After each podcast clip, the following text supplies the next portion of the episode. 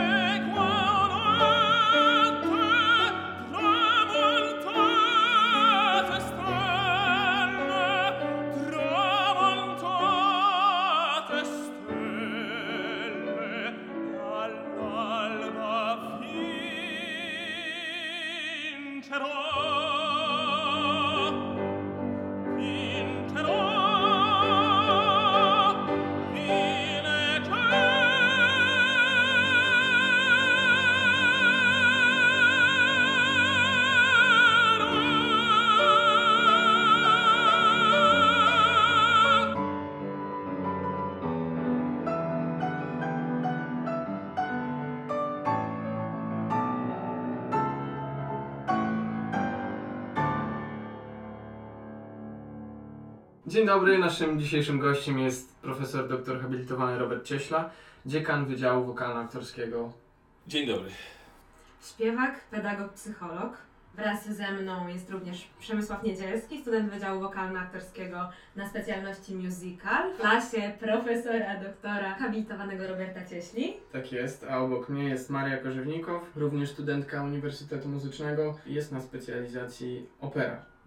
Trzeba zaznaczyć, że oboje jesteśmy z klasy profesora Roberta Cieśli. Panie profesorze, czy możemy poprosić e, na początku o krótkie streszczenie Pana historii i przygody z muzyką? Jak wszystko się zaczęło? Jak trafił Pan do Warszawy? Znaczy, krótkie, krótkie streszczenie będzie e, trudne, ale spróbuję. E, Moja przygoda zaczęła się od klasy skrzypiec na, e, w szkole podstawowej, czyli w szkole muzycznej, podstawowej szkole muzycznej, z tym, że to były w tamtych czasach, trzeba było chodzić do normalnej szkoły i do szkoły e, niby quasi nienormalnej, czyli do szkoły e, muzycznej. Moja mama jakoś zawsze była zafascynowana e, i muzyką, i teatrem i wkroczyłem jak gdyby w e, ślady mojego brata, który 5 lat starszy był i też już właśnie e, wchodził do szkoły muzycznej pierwszego stopnia, a potem drugiego stopnia. I ta moja przygoda zaczęła się od szkoły muzycznej, zdawałem na fortepian, ale komisja uznała, że na fortepian mnie nie da, tylko właśnie na skrzypce, bo skrzypce są trudniejsze. Ku mojemu na początku e, totalnej rozpaczy, dlaczego na skrzypce. E, Dzisiaj z punktu widzenia, jak gdyby patrząc wstecz, myślę, że te skrzypce bardzo były sensowne.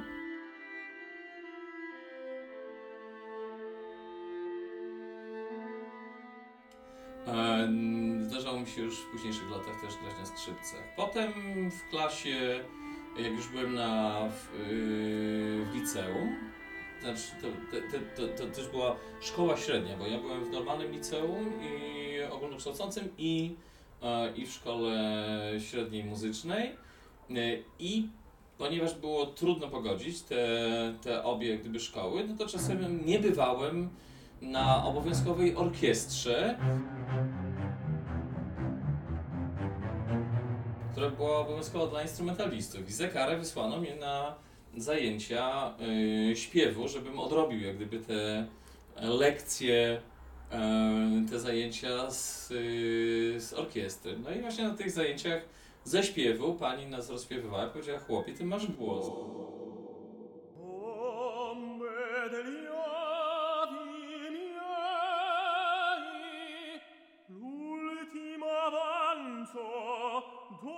Stirpe infelice, de raccogliete voi.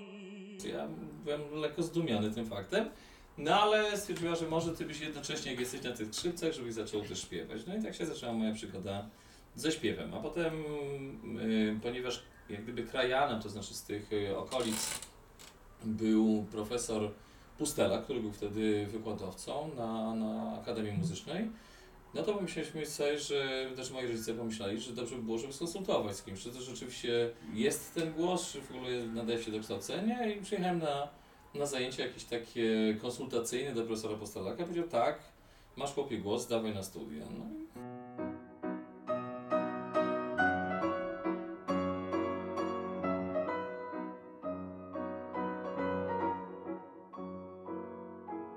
Stąd się, stąd się gdzieś zaczęła przygoda z muzyką. To też właśnie jest odpowiedź na nasze pierwsze pytanie, właśnie dlaczego profesor wybrał śpiew w swoim życiu. Tak naprawdę to chyba śpiew wybrał profesora, a nie profesor wybrał śpiew. To Trochę przecież tak, jakoś trochę tak. samoistnie. Trochę Bardzo tak, jak naturalnie. byłem, jak byłem w szkole średniej, to tak się wahałem pomiędzy dwoma kierunkami, na które chciałem iść. To jedno to jeden kierunek to był matematyka, a drugi kierunek był medycyna. No i jak- na oba tak się miotałem pomiędzy jednym a drugim, a, a wybór sam się trochę dokonał na zasadzie takiej, że zaczął mi to bardzo interesować. No i przede wszystkim teatr. No, Teatr po prostu y, ma w sobie swoją taką magię. Ja myślałem, że jeżeli mam taką szansę, żeby żeby kiedyś występować na scenie, no to to jest dla mnie mega interesujące i, i stąd ten wybór.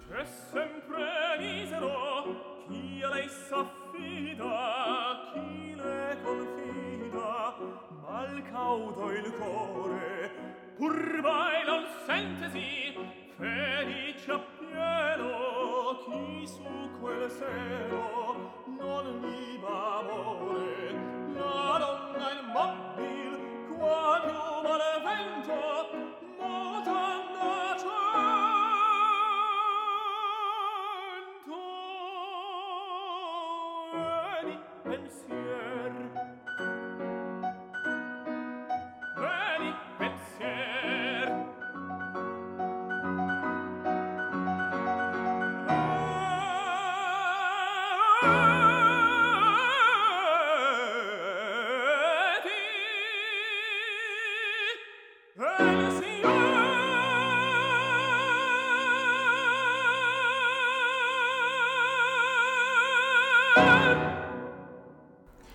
Matematyka i medycyna to zupełnie dalekie od, od Bardzo. muzyki, ale jakoś nakierowało Pana mimo wszystko na, na tę drogę.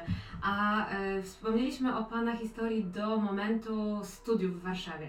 Wiemy również, że następnie występował Pan na wielu scenach i w Polsce i za granicą i też był dosyć długi, kilkuletni epizod, gdzie mieszkał Pan za granicą. Bardzo długie. I bardzo czy, długie. czy możemy poprosić o opowiedzenie tej części? Tak, jak już na studiach byłem w, na Akademii Muzycznej, wspominam ten czas jak, jako cudowny czas, znaczy czas studiów rzeczywiście był, mieliśmy świetną grupę na roku i rzeczywiście kumplowaliśmy się ze sobą bardzo, chodziliśmy do teatru, był wtedy układ z teatrem był taki, że mogliśmy chodzić na, na tak zwaną legitymację, na przedstawienia, było mnóstwo tych przedstawień.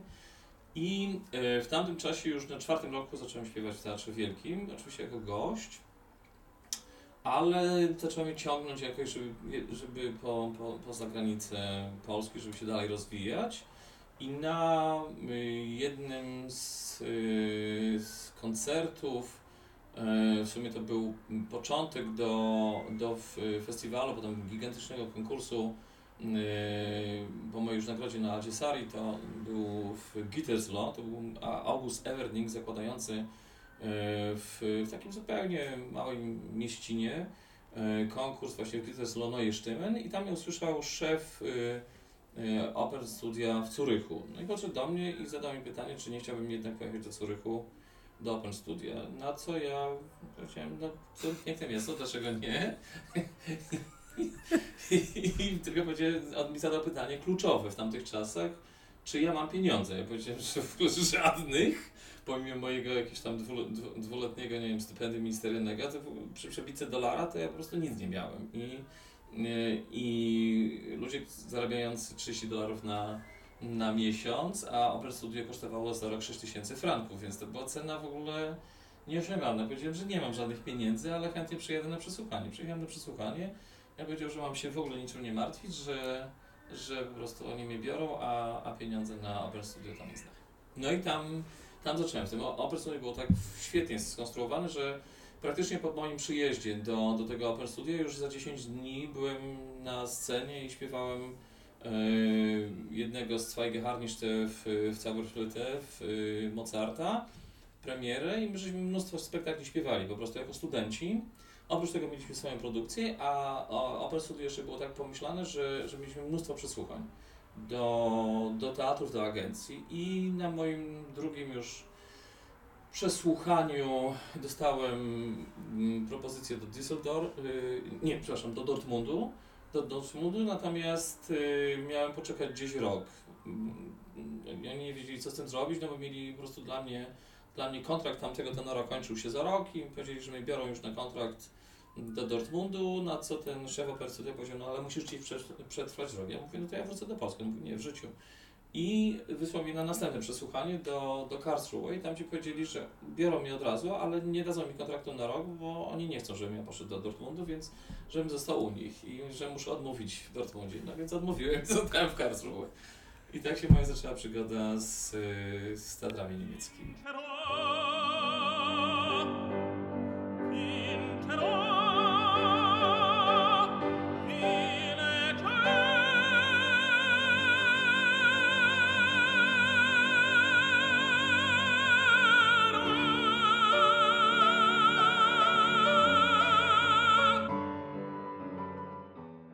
Dlaczego profesor nie został tam i kontynuował swoją karierę za granicą, również jako pedagog?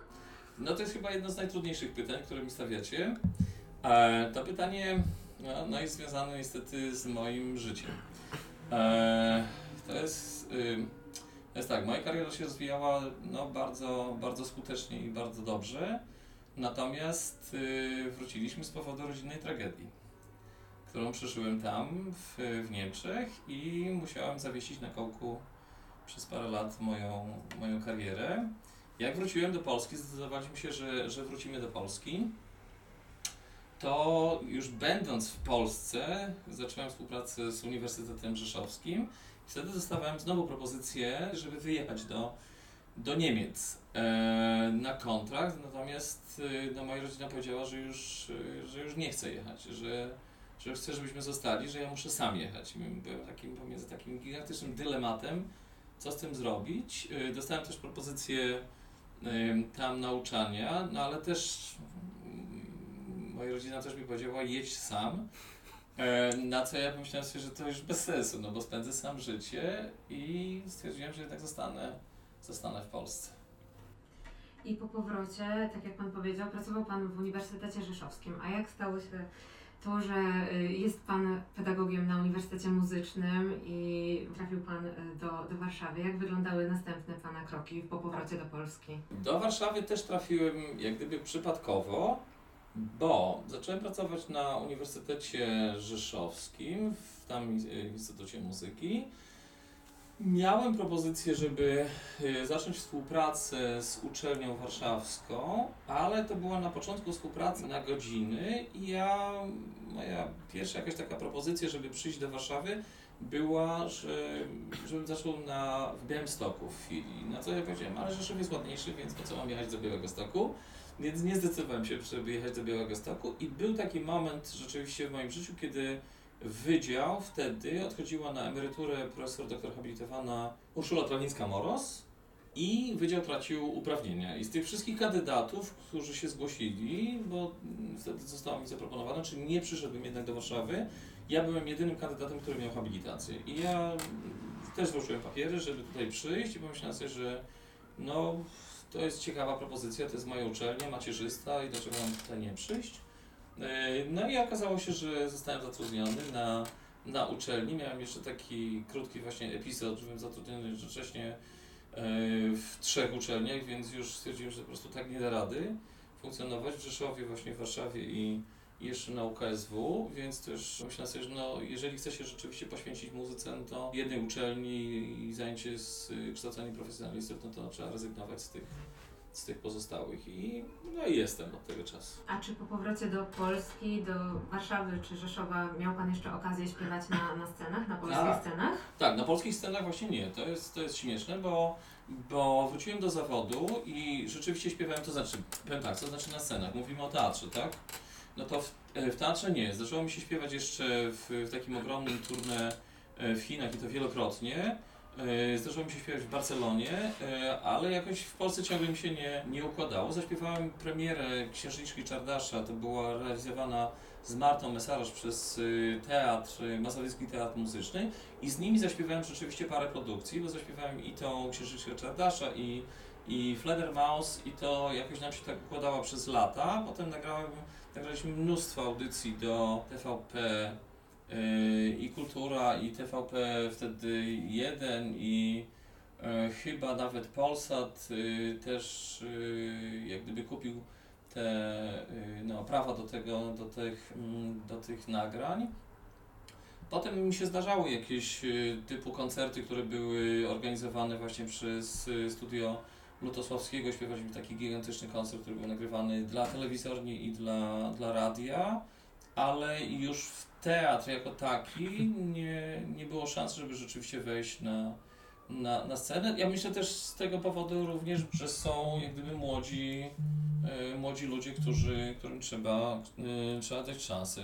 Wiem, że śpiewała, znaczy pamiętam, to było rzeczywiście ważne wydarzenie. W 2007 pojechałem do Chicago i śpiewaliśmy Straszny Dwór z taką polską obsadą i międzynarodową tam orkiestrą. Śpiewaliśmy Straszny Dwór. O tyle był istotny, że, że Stany Zjednoczone zdecydowały, Kongres Stanów Zjednoczonych wpisać to wydarzenie w, w wydarzenie tworzące historię Stanów Zjednoczonych, więc dostaliśmy taki list, w ogóle dla mnie to było szokujące, że, że ktoś nam się tak, tak, tak dalece wtedy zainteresował, że, że wpisali ten aspekt.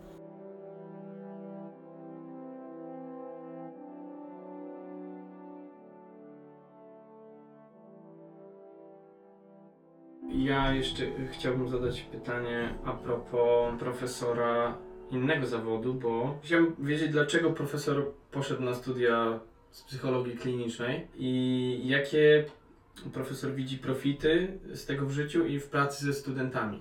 No bo kolejnym zawodem profesora to też jest psycholog kliniczny, prawda? Tak, to znaczy, e, powiem tak, ja się psychologia oczywiście od lat mnie interesowała, na ile, na ile ona jest rzeczywistą, powiedzmy sobie, nauką, na ile jest pomocna, na ile nie jest pomocna, a ja pomyślałem sobie, że jeżeli cokolwiek robić, to nie na zasadzie domowej, tylko iść na studia Tak, i bo co było, co, co było tym jakby, no bo profesor miał już jakąś karierę, prawda, śpiewaka i tak dalej, ale co, co było takim zapalnikiem, że profesor zdecydował, a jeszcze pójdę e, zrobić studia z psychologii klinicznej i... Za, znaczy w Niemczech y, miałem taki, no, jakiś czasowy epizod rzeczywiście e, z zajmowaniem się e, rodzicami osieroconymi. I tam się zajmowałem tymi rodzicami osieroconymi, również w Polsce. I pomyślałem sobie, że jeżeli no, chciałem się rzeczywiście zajmować tymi ludźmi, to należy być profesjonalistą, a nie, mm, a nie amatorem. Więc y, jak już zacząłem się zajmować, to rzeczywiście jest bardzo trudny temat. A, I jak się zacząłem zaj- zajmować tymi ludźmi, to pomyślałem sobie, że no należy to, to rozwinąć w tym kierunku. Ja jeszcze z moich dawien, dawien, dawnych czasów, kiedy byłem w liceum, mieliśmy taką fajną, i w liceum i na, y, na studiach, mieliśmy taką fajną współpracę z y, domem mm, dla niepełnosprawnych dzieci. Robiliśmy mnóstwo koncertów dla tych dzieci. A, I widzieliśmy, jak, gdyby, jak działa muzyka i jak działa.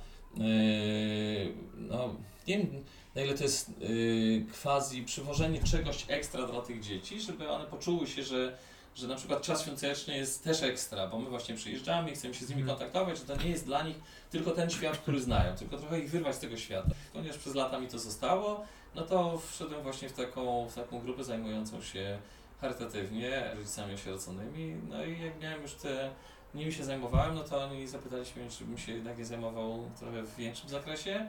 No a jak już ja Mhm. pomyślałem o większym zakresie, to myślałem sobie oczywiście, tak jak ciągle myślę, że należy się czegoś nauczyć, żeby, żeby móc się tym zajmować. No i poszedłem na studia na UKSW, na, na moją uczelnię drugą, jak gdyby macierzystą. I tam skończyłem studia psychologii klinicznej, potem byłem przez wiele lat związany z racji mojej praktyki ze szpitalem, z oddziałem psychiatrii e, w szpitalu wolskim. Potem napisałem program takiej rehabilitacji pacjentów z chorobą niedokrwienną serca i testowałem ten program w Konstancinie. Ten program miał wejść już na stałe do, na Banacha, m, do kliniki, bo tam się spotkałem z, z, z szefami kliniki z rektorem Uniwersytetu Medycznego. Okazało się, że rozmiar badań jest taki gigantyczny, że musiałbym z wszystkiego już zrezygnować, tylko po prostu zająć się tym. No to stwierdziłem, że nie, że jednak muzyka jest jednak bardziej mi bliższa sercu, więc nie, nie, nie poświęcę tego dla, dla tej pracy.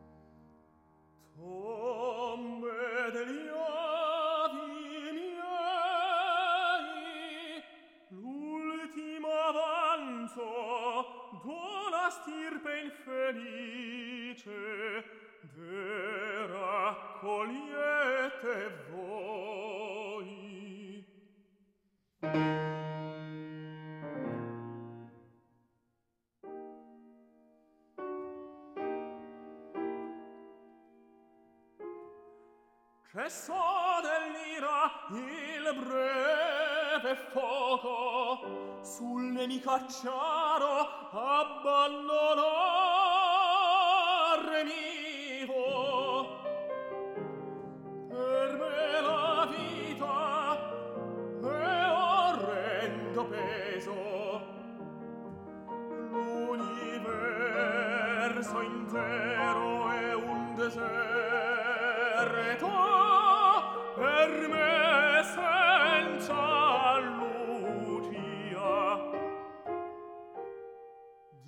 capaci tuttavia splende il castello. Ah scarsa fu la lotta al tripudio. Il grata donna mentre mi struggo in disperato pianto tu ridi esulti accanto al felice consorte.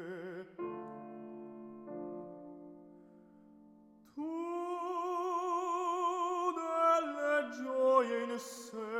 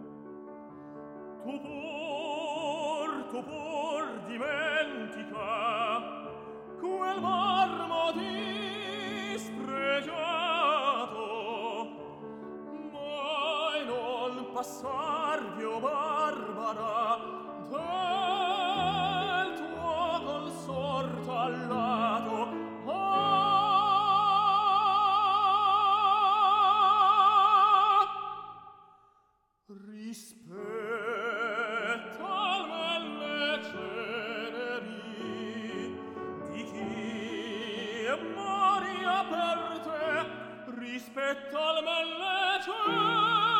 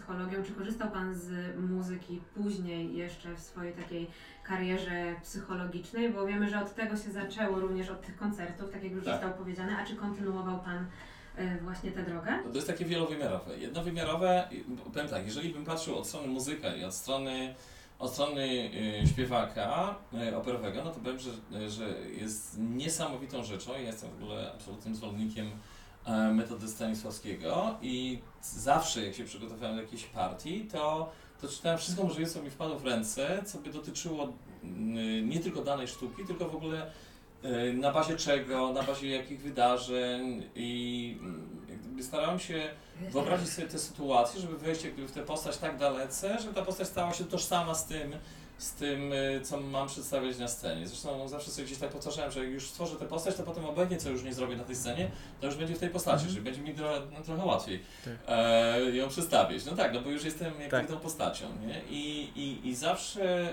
teatr po prostu dla mnie jest od, od lat był zawsze magią. Teatr i operowy i w ogóle teatr dramatyczny, że, że y, możliwość jak gdyby przedstawiania i komunikowania się z, ze społecznością poprzez jakąś sztukę. Więc tutaj widzę gigantyczny profil, dlatego że gdyby wiedza na temat y, funkcjonowania gdyby ludzi i, i pewnego rodzaju zależności mm, no jest y, i rozumienie tych zależności jest bardzo pomocne, y, jeżeli chodzi o od strony takiej powiedzmy sobie kreowania postaci i też przekazywania studentom, że każde zdanie, czy w operze, czy w, danej arii, czy w recytatywie, że ma jakiekolwiek znaczenie, że to, że budujemy jak gdyby od tej strony zna, znaczeniowej, no i musimy to przełożyć tylko na, na język, który jest nam dany dodatkowo, czyli ten język muzyczny, czyli wyrażamy jeszcze y, ekstra emocje, które już nie tylko samym słowem mogą, mogą być wyrażane, tylko jeszcze mogą być za pomocą muzyki.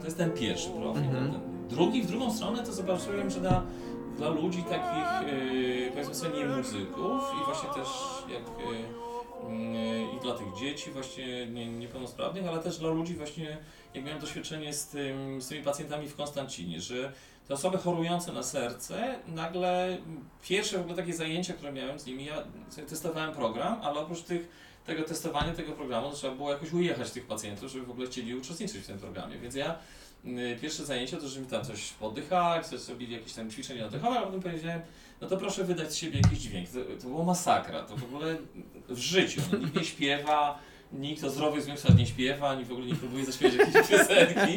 Ja powiedziałem, nieważne czy Państwo macie słuch, czy nie macie słuchu, proszę cokolwiek wydać, że śpiewamy jakieś, ja im tam zanot, zanosiłem jakieś melodie, la la la i oni mieli to powtórzyć, nie? Oni mówią, ale my nie mamy słuchu, ja mówię, nieważne. No i nagle się okazało, że to, ten, te, te elementy były strasznie odblokowujące właśnie rodzaj emocjonalności, czyli jak, jak, jak gdyby coś, co nie zostało zwerbalizowane, a jednocześnie to, to strasznie obciążało życie, nie? Że coś, co się odkładało właśnie jako, jako elementy e, somatyczne, że oni cierpieli na coś, co nie zostało gdzieś tam w ich życiu załatwione i nagle poprzez tę muzykę, poprzez wydawanie z siebie jakichś tam dźwięków, nagle zaczynało być odblokowane. No i na początku jak miałem y, ilość tam ograniczoną, bo chodziłem do wszystkich pacjentów, czy oni się zgodzą, żeby przyjść tam na jakieś zajęcia, to na początku miałem tam, wiem, czterech, a potem miałem 45, nie? I, i nagle się okazywało, że sale są za małe i, i nie wiadomo, co, tym, co, co z tym dalej robić, nie? Że nagle, nagle ta, ta chęć. Więc od tej strony na pewno, na pewno poprzez muzykę można bardzo dotrzeć do, do, do, do ludzi poprzez właśnie chęć przekazania treści nie tylko takiej tak zwanej z jednej strony zwerbalizowanej, ale też treści niezwerbalizowanej. Tej Mhm. takiej, która, która nas bardzo wzrusza, dotyka, jakoś yy, w pozytywnym tego słowa znaczeniu uwodzi.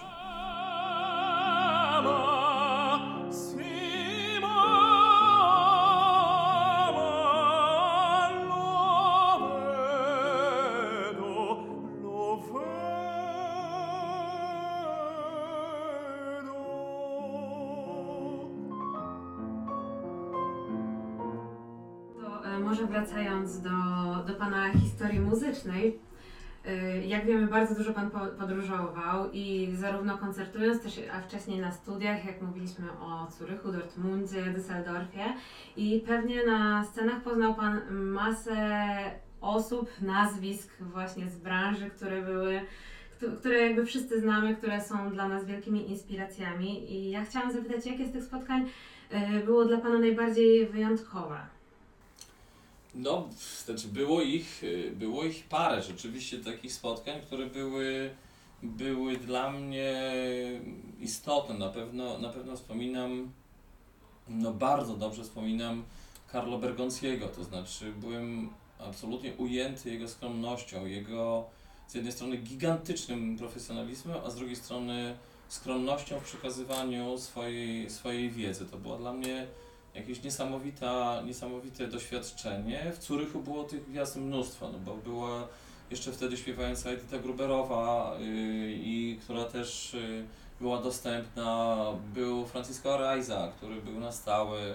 No to te gwiazdy takie na, na, na dotknięcie rzeczywiście, że e, bardzo znany, też już nieżyjący, z którym śpiewałem na scenie, Günther von Kanen, dyrygenci tacy jak Stefan e, e, Solters. Natomiast na pewno bardzo, bardzo na mnie wpłynęło e, właśnie ten, ta, ta, ta skromność Bergonciego. To znaczy, że, mm, że facet był gigantycznym profesjonalistą. To mówimy teraz o tych zachodnich, bo o polskich, no to ja mogę wymienić całą plejadę artystów, z którymi miałem do czynienia jeszcze na studiach. No to, to, była, to była cała, cała góra śpiewających znakomicie y, pedagogów, y, poczynając od mojego y, pedagoga profesora Pustelaka, profesora Kosowskiego, Urszulę Trawiską-Moros, panią Krystynę Szostogradkową. No to takie tuzy w ogóle muzyki. e, Wtedy, z którymi mogliśmy się, Halinę Słonicką, z którymi mogliśmy się kontaktować i to były osoby niesamowicie życzliwe e, w takich kontaktach e, codziennych, że często nam się zdarzało, że, że ktoś po egzaminie podchodził właśnie do nas i mówił, że mówił swoje uwagi jakieś pozytywne i, i, i, i, i miłe i to dla nas było niesamowite, że, że te osoby z nami się kontaktują. I tego samego doświadczyłem właśnie na zachodzie, śpiewając z różnymi osobami, które śpiewają i po całym świecie i, i, ma, i są uznane i, i, i, i przez szersze grono, no to na pewno, na pewno spotkałem też w moim życiu, spotkałem Edę Moser, z takich rzeczywiście wielkich kiedyś gwiazd z Metropolitan, no to, no to śpiewałem też, jak było nagranie do Advanced Rundfunk, to śpiewałem właśnie, akurat przyjechały gwiazdy z Metropolitan i śpiewaliśmy, nagrywaliśmy audycję, no to rzeczywiście takie osoby zupełnie normalnie kontaktowe, nie bez, bez, bez, takiego, bez takiego zatęcia, po prostu normalne osoby pracujące na scenie i to było rzeczywiście bardzo, bardzo e, urokliwe. No to ja to wspominam, e, te moje kontakty bardzo dobrze. No mówię, Bergonzi na pewno dla mnie był taką znaczącą postacią, ale, ale te pozostałe to na pewno. Mm, A kto i co profesora inspiruje? Czy może któreś z tych spotkań, czy może właśnie, nie wiem, praca ze studentami? Czy... Co mnie inspiruje? Znaczy, powiem tak, inspiruje mnie wiele rzeczy. Inspiruje mnie y, na pewno literatura, bo ja jestem człowiekiem czytającym, y, więc inspiruje mnie literatura. Wracam często do jakichś wybitnych dzieł, które, które czytałem po latach, tak jak y, po latach znowu wróciłem, co, co, co, co, było dla mnie niesamowitym też odkryciem takich elementów, e, jak często mamy w, w literaturze elementy, nie wiem, ludowizny. Jak wróciłem do chłopów Raymonda, to pomyślałem sobie, to jest jedno z najlepszych studiów psychologicznych w ogóle tamtej społeczności i uwielbiam rzeczywiście Dostojewskiego, uwielbiam e, Buchakowa, to są dla mnie e, no, takie wielkie, wielkie Sołżenicyna na przykład, nie wiem, tam Yy, nie mówię tylko o archipelagu Gułak, ale mówię też o oddziale, oddziale chorych na raka. E, No to są takie gigantyczne yy, części literatury Szekspira. Szekspira. Przeczytałem wszystko, co było następne na rynku, jeżeli chodzi polskim, wszystko, jeżeli chodzi o, o co zostało yy, przetłumaczone i rzeczywiście facet miał niesamowitą zdolność obserwacji świata, więc na pewno to mnie fascynuje. Fascynuje mnie muzyka yy, w takim znaczeniu różna, różna, nie tylko klasyka, ale fascynuje mnie rzeczywiście muzyka i umiejętność przekazywania informacji za pomocą tej części, która jest niedostępna tylko i wyłącznie w słowie, więc to jest rzeczywiście dla mnie y, odkrycie, zawsze na nowo. No i oczywiście studenci.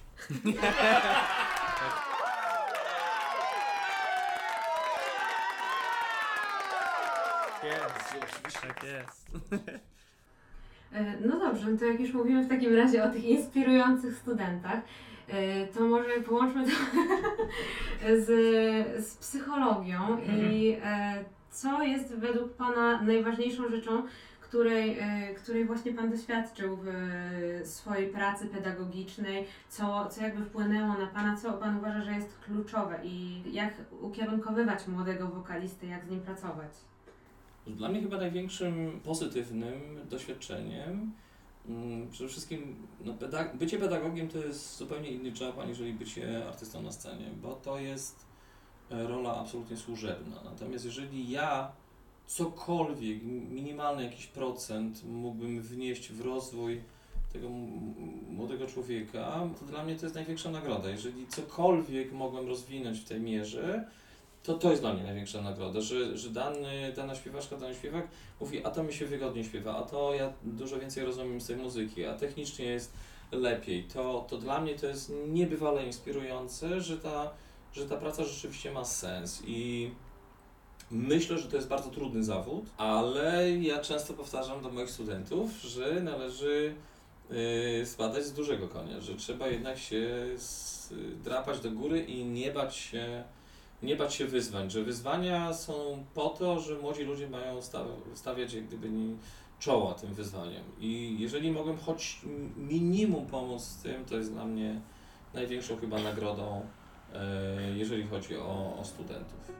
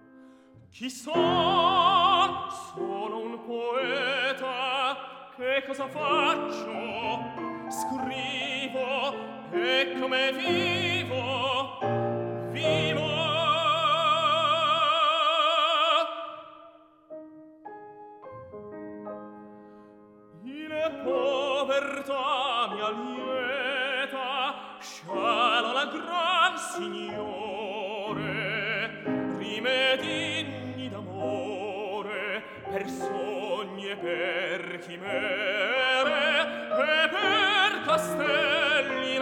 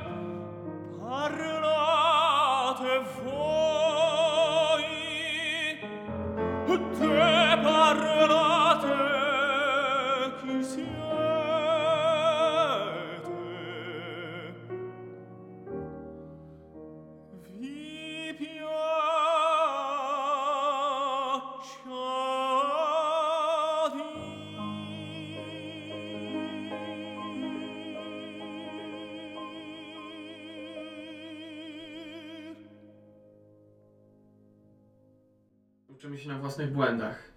E, więc y, jak profesor myśli, dlaczego boimy się popełniać te błędy?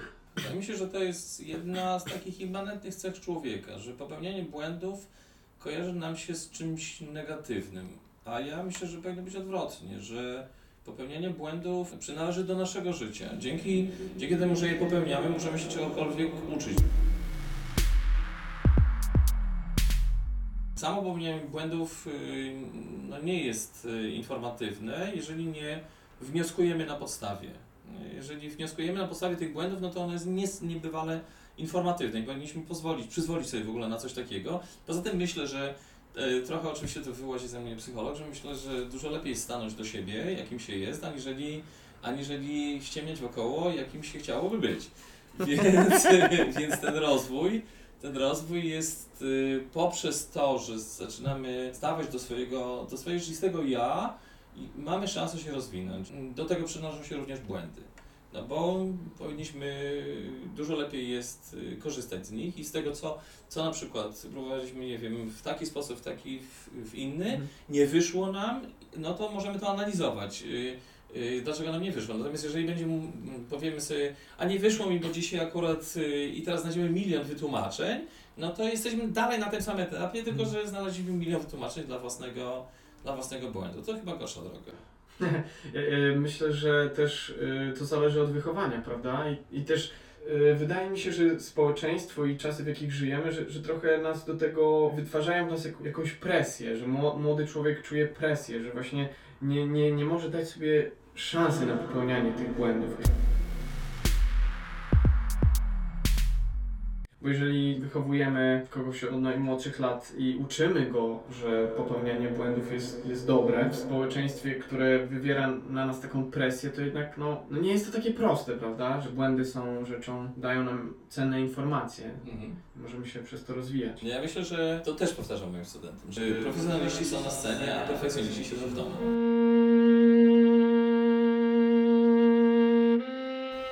Bo perfekcjoniści w takim złym słowa znaczeniu muszą siedzieć w domu, dlatego że zawsze można coś poprawić.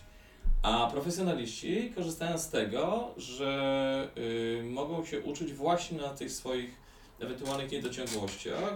Przez to jest też y, przez to jest też fascynujący na przykład koncert, teatr, bo mamy kontakt z żywym człowiekiem i do końca też, nawet jakby był genialnie przygotowany, też nie wiemy jak ten wieczór wypadnie. Mhm. I mając kontakt z tym żywym człowiekiem, no to ten żywy człowiek pro, proponuje nam część swojej osobowości, część swoich umiejętności, ale my też nie do końca wiemy, co się stanie, nie? I, i przez to jest fascynujące.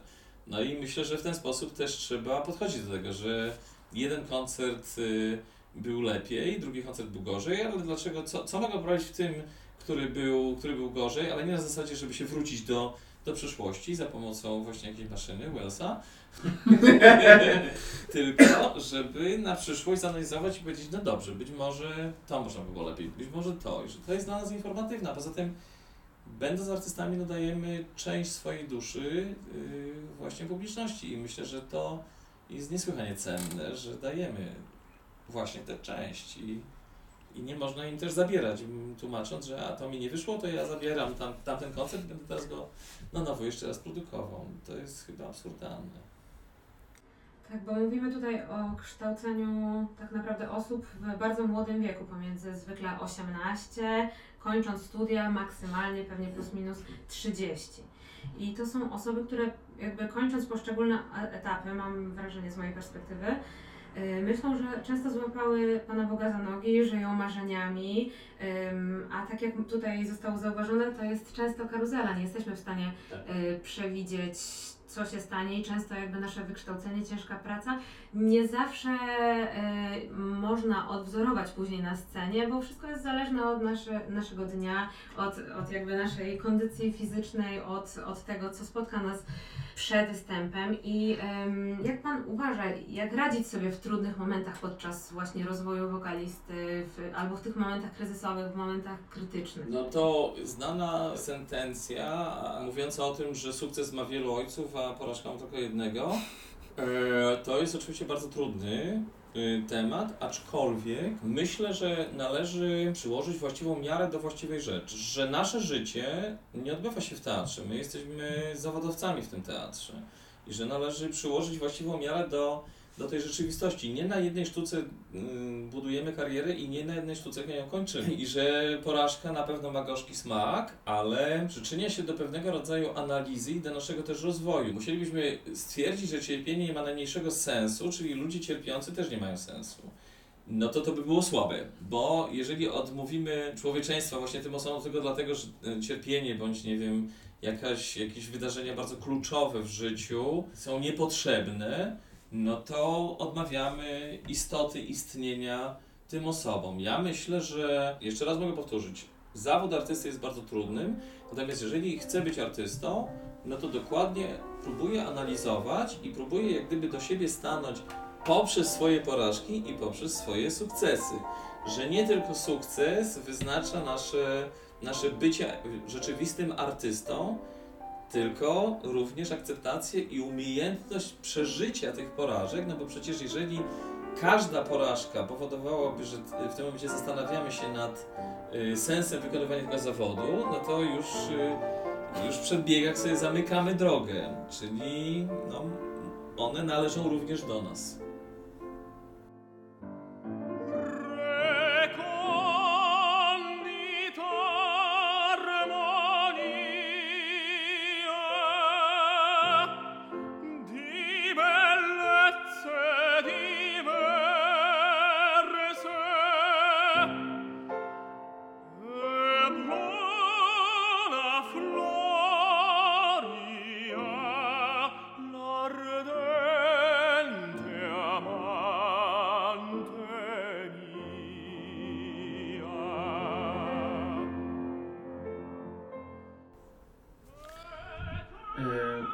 Jeszcze chciałbym y, sprecyzować, y, mi się wydaje, że to pytanie padło, ale co jest y, taką najważniejszą rzeczą, ja, ja, jakiej się nauczył profesor do tej pory jako pedagog? Jedną z najważniejszych rzeczy, oprócz umiejętności oczywiście takich, które się latami nabywa, umiejętności kształcenia głosu, no bo to naprawdę się latami nabywa. Te, to są inne umiejętności, aniżeli te umiejętności, które sami, sami przekładamy na własny organizm.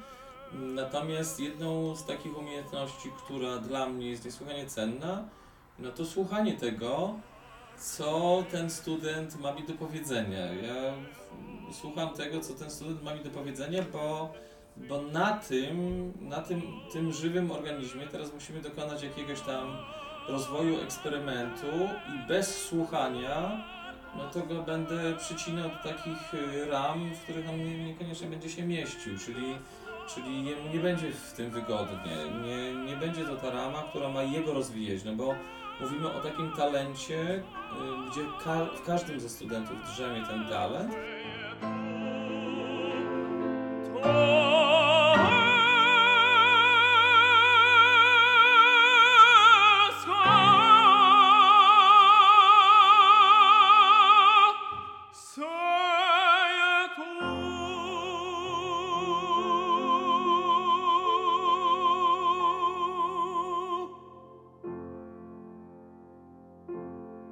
trzeba go obudzić, no ale nie możemy budzić talentu z osoby X w osobie Y, bo wtedy to już y, trochę lecimy Frankensteinem. It's alive!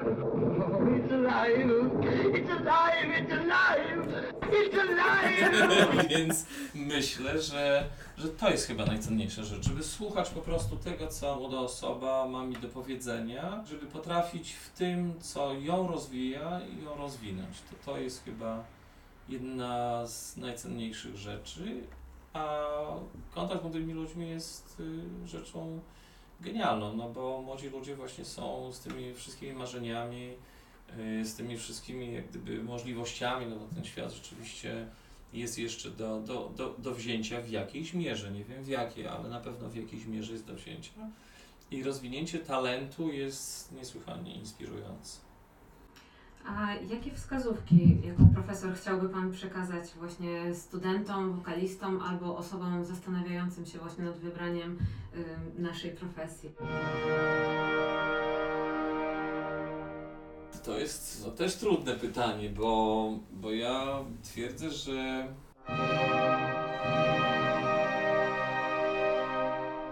jeżeli coś robić, to należy to robić dobrze.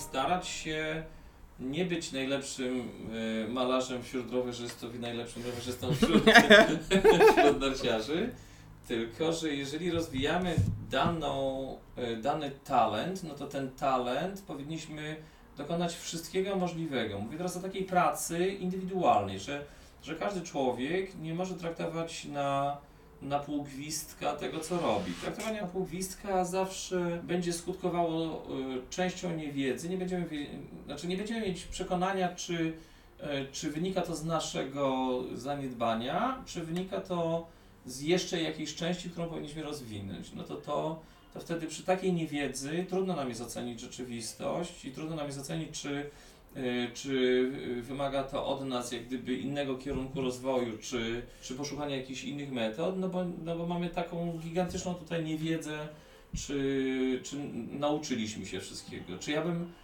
powiem tak, jeżeli komuś gra w duszy, to niech idzie za tym, bo ja, ja, ja sam dokonałem tych wyborów i twierdzę, że, że bycie artystą jest fascynujące. No ale to już każdy musi podejmować te decyzje sam za siebie, bo, bo to jest trudny zawód. On naprawdę jest wymagający, jest cudownym zawodem, ale jest bardzo trudnym zawodem. Natomiast myślę, że pójście na tak, tak zwaną łatwą drogę, czyli troszeczkę się rozwinę, a troszeczkę się nie rozwinę, to jest trochę jak malowanie pół pokoju, a pół nie. I jak gdyby radość z tego, że te pół jest wymalowane. No to tak chyba nie do końca. Jaką radę dałby profesor 20-30-letniemu sobie? Ja dla siebie Tak. nigdy nie żyłem do tyłu. Natomiast powiem tak, y, czasem no, miałem takie pytanie, które mi zadano. i Ja mówię, ja nie wiem, czy, e, czy dzisiaj wiedząc o tym zawodzie tyle, czy wam jest łatwiej w tym świecie? Myślę, że nie.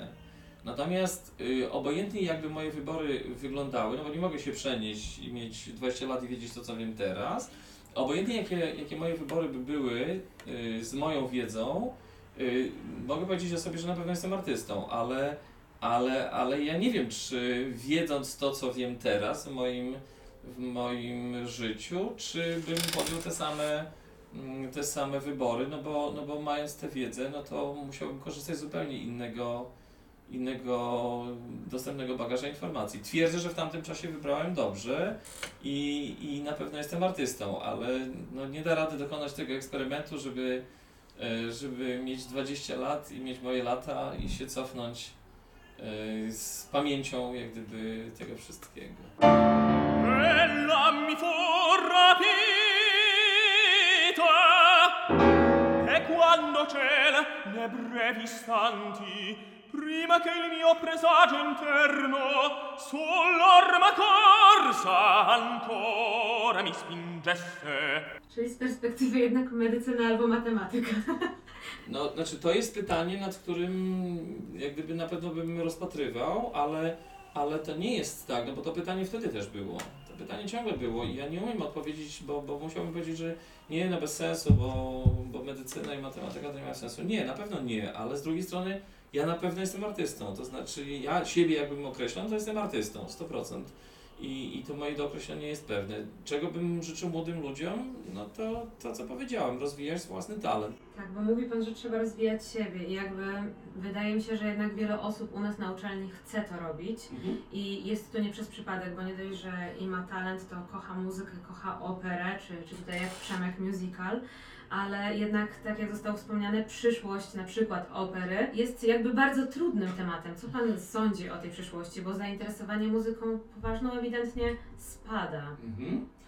Ale ja powiem, znaczy to odwrócę to. Za moich czasów, kiedy ja żyłem jeszcze w czasach y, PRL-owskich, wyjazd za granicę był niemożliwy, otrzymanie paszportu było niemożliwe, pojawienie się na scenie zachodniej było niemożliwe, y, jak gdyby bez pieniędzy. Y, jechałem tylko mając plecak i, i 20 y, franków szwajcarskich, co niewiele było i twierdzę, że należy dokładnie to robić. Jeżeli ma się talent, należy go rozwijać. Nie da rady, znaczy nie da rady pogodzić dwóch rzeczy. Nie da rady pogodzić bezpieczeństwa z chęcią rozwoju talentu. Te dwie rzeczy nie idą ze sobą w parze. Należy ryzykować, żeby rozwijać swój talent po to, żeby w wieku lat przedemerytalnych nie powiedzieć sobie rany boskie, czego ja tego nie zrobiłem.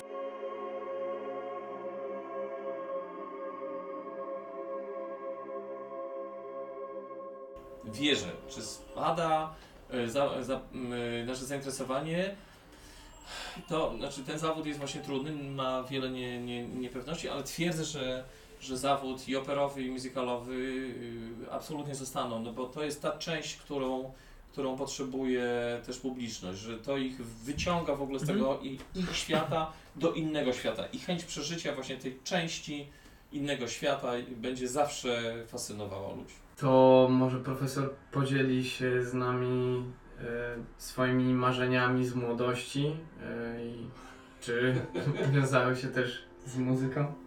Nie, no jak byłem w przedszkolu i przyjechał na, na wizytę milicjant, to powiedziałem moim rodzicom, że na pewno zostanę milicjantem. No przecież to było oczywiste, taki facet z szapką, no przecież to jest... Potem jak przyjechał strażak, no to żeśmy oczywiście wszyscy zostawali strażakami. Więc yy, czy chciałem... Hmm.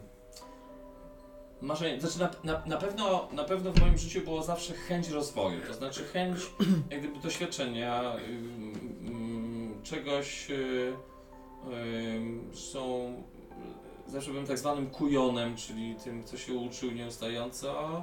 Nie dla chęci yy, kucia, bo kucia, tylko dla chęci po prostu takiego, że, żeby się dowiedzieć, że to mnie zawsze Mhm. fascynowało, żeby się dowiedzieć czegoś nowego, żeby, żeby gdzieś tu doczytać, żeby... I myślę, że tego rodzaju marzenia, to znaczy, że marzyłem, oczywiście teatr zo- pozostanie obojętny, czy ja e, już teraz n- nie jestem w teatrze operowym na scenie, ale teatr zostanie zawsze moją miłością, taką, którą, która zostaje mi na lata. To znaczy ten, ten bakcyl, który kiedyś które kiedyś załapałem, w, jak, jeżeli chodzi o teatr, no to na pewno. I to były moje, moje marzenia i pamiętam wszystkie produkcje, które, które, które realizowałem, że były dla mnie fascynujące, że można coś kreować na scenie, że można po prostu oprócz śpiewania właśnie być tą jakąś postacią i myślę, że, e, że ten rodzaj, i to, to, to, to, to, to na pewno były spełnione marzenia. Ja pamiętam, że, że teatr był moim na pewno spełnionym marzeniem i, mm, i w tym teatrze się na pewno na pewno siebie realizowałem jako, jako ja, nie? Natomiast życiowo, no to nie, no to teatr jest tylko częścią życia, to nie jest życie. Mhm. Życie się odbywa zupełnie gdzie indziej.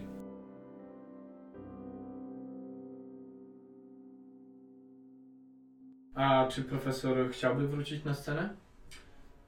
E, No nie, no bo to, jest, będzie, będzie brzmiało jak, jak marzenia, że tak powiem, emeryta. Tak, no w koncercie i śpie, śpie, śpiewanie dla publiczności jest fascynujące.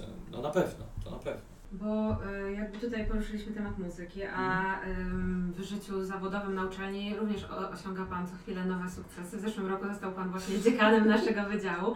Ja chciałam zapytać, jakie są Pana cele, plany na, na przyszłość, może jakieś marzenia? Znaczy moim, e, jeżeli chodzi o tę działkę, to moim marzeniem jest jedna rzecz, która zawsze mi przyświecała. Jak zrobić, żeby móc studentów rozwijać? I to nie tylko swoich, tylko w ogóle, żeby umożliwić te dać jak gdyby zorganizować te możliwości, żeby, żeby studenci się rozwijali. Ja twierdzę, że my jesteśmy wszyscy przejściowi.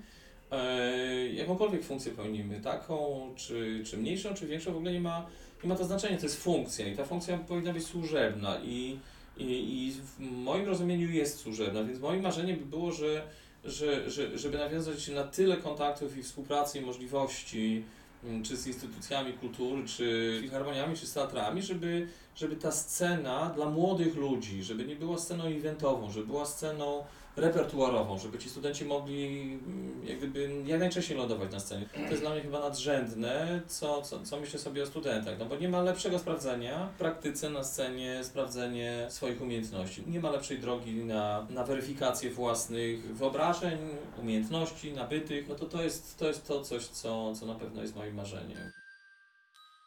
No i żeby być właśnie takim no dla.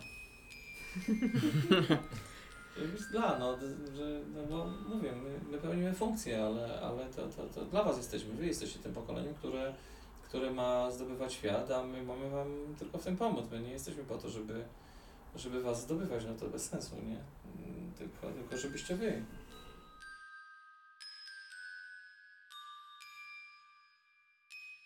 Tak z perspektywy czasu i doświadczeń, tych zarówno właśnie y, scenicznych, czy tutaj organizacyjno-administracyjnych, czy psychologicznych, z czego jest Pan tak najbardziej y, dumny? Jestem na pewno dumny, y, miałem, miałem jakichś tam studentów uzdolnionych, wie, wielu studentów zdobywających jakieś nagrody na, na konkursach, ale, ale dla mnie chyba największą, największą satysfakcją jest to, jak ten talent, który jest nieopierzony, nagle zaczyna się rozwijać. To, to jest dla mnie coś niebywałego, że, że y, ja mogę by, współuczestniczyć jak gdyby w tej kreacji tego, tej młodej osoby, że jeżeli ta osoba się rozwija i nagle y, wydawało się, że, że, że, że, że coś jest poza zasięgiem, nagle to poza zasięgiem staje się w zasięgu, a potem staje się w jeszcze większym zasięgu, no to z tego na pewno. Jeżeli komukolwiek po- pomogłem w jakimkolwiek miejscu, no to z tego jestem na pewno, na pewno dumny. No to znaczy, że spełniłem jakąś część właśnie takiego powołania pedagogicznego. Ja zawsze jestem dumny ze studentów, że dany student osiąga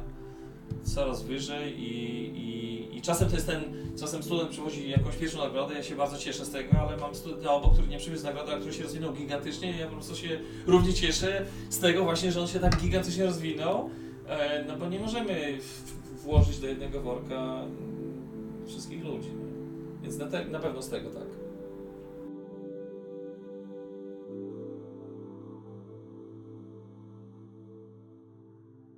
Profesor wspominał, że pracował z różnymi tutaj takimi mm, popularnymi artystami w Polsce i tak dalej. I y, jak profesor wspomina pracę z y, Waldemarem Malickim? Znaczy, przez wiele lat była to dla nas y, współpraca, która, która nam przynosiła niesamowicie dużo satysfakcji, ponieważ y, y, no, Waldek jest człowiekiem bardzo inteligentnym, jest świetnym pianistą, ale przede wszystkim to, co proponował w tej, w tej części, w której ja uczestniczyłem razem z moim bratem, no to było dla nas niesamowicie fascynująca zabawa mm, z muzyką poważną i z muzyką, połączenie z muzyki rozrywkowej. To było, to było coś, z czym my żeśmy się jak gdyby bawili. Bawiliśmy się sytuacjami, bawiliśmy się właśnie literaturą, co z tym zrobić, w jaki sposób to przedstawić. E, I ta współpraca była rzeczywiście dla nas taką z jednej strony bardzo inspirującą, z drugiej strony bardzo zabawową. No, my żeśmy się, nie pamiętam ile już na tych koncertach, żeśmy się po prostu obśmiali tak straszliwie, że też tworząc, jak gdyby przygotowując nowe programy, więc na pewno wspominam bardzo dobrze Falka Malickiego i, i naszą współpracę. Była pełna inspiracji, też radości, publiczności i nowego spojrzenia w ogóle na muzykę, nic nie tracąc z tego połączenia, jak gdyby muzyki poważnej z muzyką e, rozrywkową. Więc na pewno bardzo miło go wspominam. Powoli zmierzając ku końcowi, takie podsumowujące e, pytanie. Powiedział Pan wielokrotnie, że jest Pan artystą, też, też jakby działa Pan na uczelni muzycznej, artystycznej i e, może tak nieco duchowo. Czym jest dla Pana sztuka?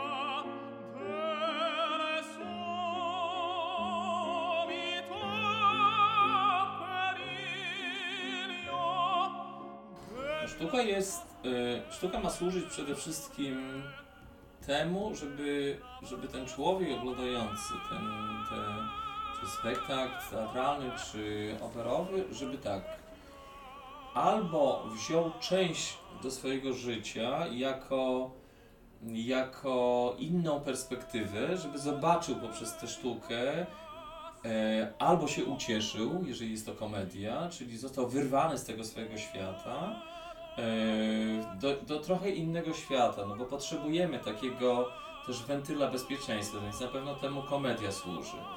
E, Jeżeli mówimy o poważnych sztukach, to myślę, że i głównym i nadrzędnym celem jest e, zadanie pytania, na które już sam widz ma sobie odpowiedzieć. Że nie, nie dawanie prostych rozwiązań, nie na zasadzie e, to ja ci powiem, co masz myśleć, tylko to ty sam pomyśl, co chcesz z tego wyciągnąć. I myślę, że tu jest ta część właśnie te, tego, tej duchowości, no bo y, dany człowiek, artysta oferuje mi część swojego jestestwa i ja z tego jestestwa chcę coś dla siebie skorzystać po to, żeby stać się być może głębszym i lepszym człowiekiem.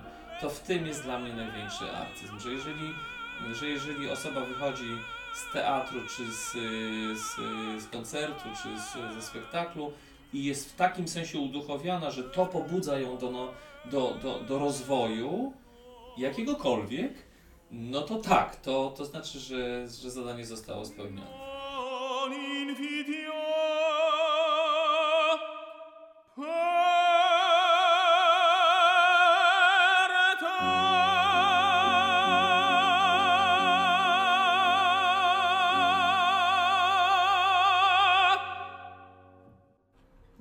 W imieniu swoim, Przemka i chyba wszystkich słuchaczy Bardzo Wam dziękuję. Pozdrawiam wszystkich serdecznie. również dziękujemy.